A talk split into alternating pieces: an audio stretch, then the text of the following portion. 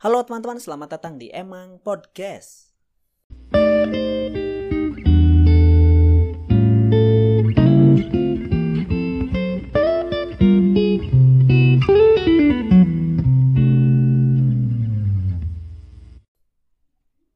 Jadi ceritanya hari ini saya akan bercerita sedikit mengenai adik saya gitu.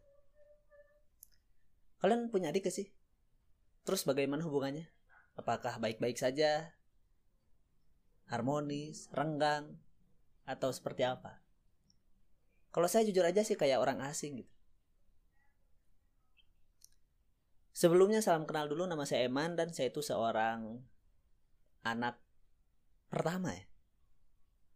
Jadi saya tuh mempunyai satu adik gitu. Dan sekitar tahun 2012 ketika saya lulus sekolah saya tuh merantau ke Bandung untuk kerja dan kuliah. Dan sejak itu juga umur adik saya itu baru sekitar 7 tahun lah. Sekitar kelas 2 SD. Jadi saya tuh meninggalkan adik saya tuh mungkin ya lagi lucu-lucunya lah. Kayak keselun. Namun yang saya sesalkan adalah saya itu tidak bisa melihat pertumbuhan adik saya. Ya mungkin karena saya jarang pulang atau gimana gitu. Mungkin salah saya juga sih. Dan di saat saya pulang pun saya tuh jarang bertemu sama adik saya. Setahu saya adik saya lagi main lah. Main bola, ke sawah, main layangan. Saya tuh gak tahu. Hingga singkat cerita, sekitar awal tahun, saya tuh pulang dan ketemu sama adik saya. Dan ternyata adik saya itu sudah tumbuh besar. Bahkan si tinggi badannya itu udah melebihi tinggi badan saya gitu. Terus dia juga udah bisa merokok. Sedangkan saat ini saya gak, gak merokok gitu saya juga gak tahu bagaimana caranya gitu bisa di ACC sama orang tua saya karena ketika saya kecil saya belajar merokok tuh gak diaku anak terus yang terakhir dia itu sudah tumbuh jakun jadi prianya itu kelihatan banget lah.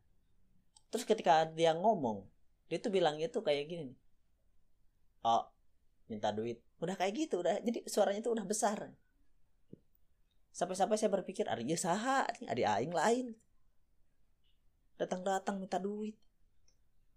Terus saya tanyakan kamu siapa? Mula. Oh bener adik aing pangling anjir. Pangling asli dan sekarang umur adik saya itu sekitar kelas 1 SMA lah. Dan biasanya ketika anak usia SMA itu biasanya suka banyak permintaan lah. Adik saya juga gitu.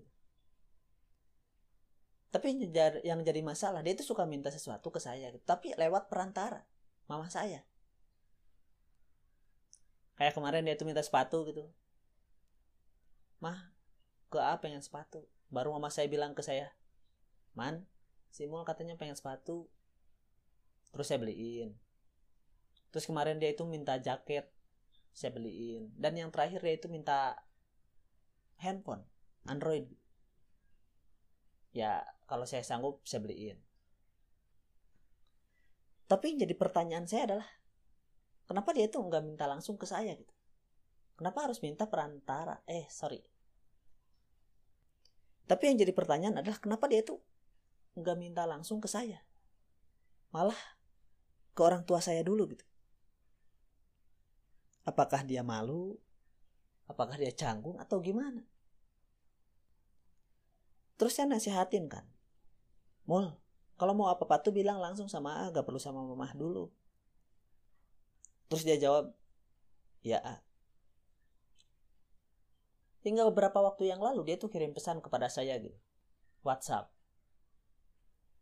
Assalamualaikum A. Apa kabar?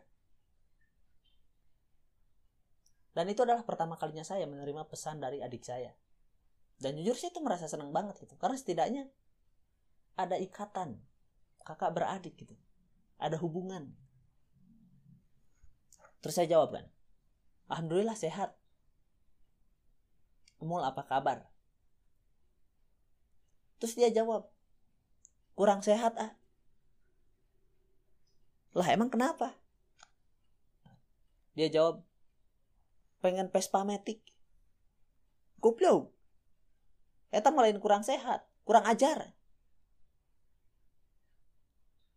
Maksudnya kia kan aing di Bandung teh gawe sabari kuliah. Namun misalkan ayah kahayang kalau misalkan minta jaket sepatu masih kayaknya bisa beli lah Ari Vespa Matic malu ya Allah ya Robi terus kan saya nasehatin. Mul Vespa Matic paling murah 35 juta. Kalau A punya uang segitunya mending kawin tuh terus tanpa dosa adik saya itu bilang kayak gini. Tapi karena mul mah baru SMA gak akan dulu kawin. Ya maksudnya aing. AA ya AA pokoknya tuh dan semenjak itu hubungan kita makin renggang tapi saya tuh nggak peduli gitu. Saya tuh akan cari cara ya supaya deket aja gitu. Karena saya tuh pengen mengobati waktu-waktu yang hilang bersama adik saya. Gitu.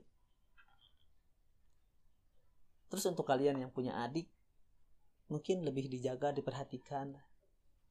Karena ketika melihat adik sendiri kayak orang asing tuh saya tuh kayak merasa sedih aja gitu kayak malahan saya tuh lebih dekat sama teman-teman saya gitu dibanding adik sendiri dan itu merasa sakit loh harusnya sama adik sendiri itu biasanya lebih dekat harusnya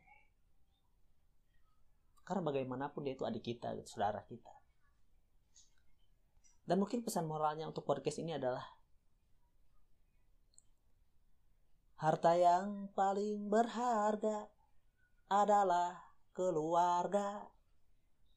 Itu aja sih. Oke teman-teman sampai jumpa di podcast selanjutnya dan bye bye.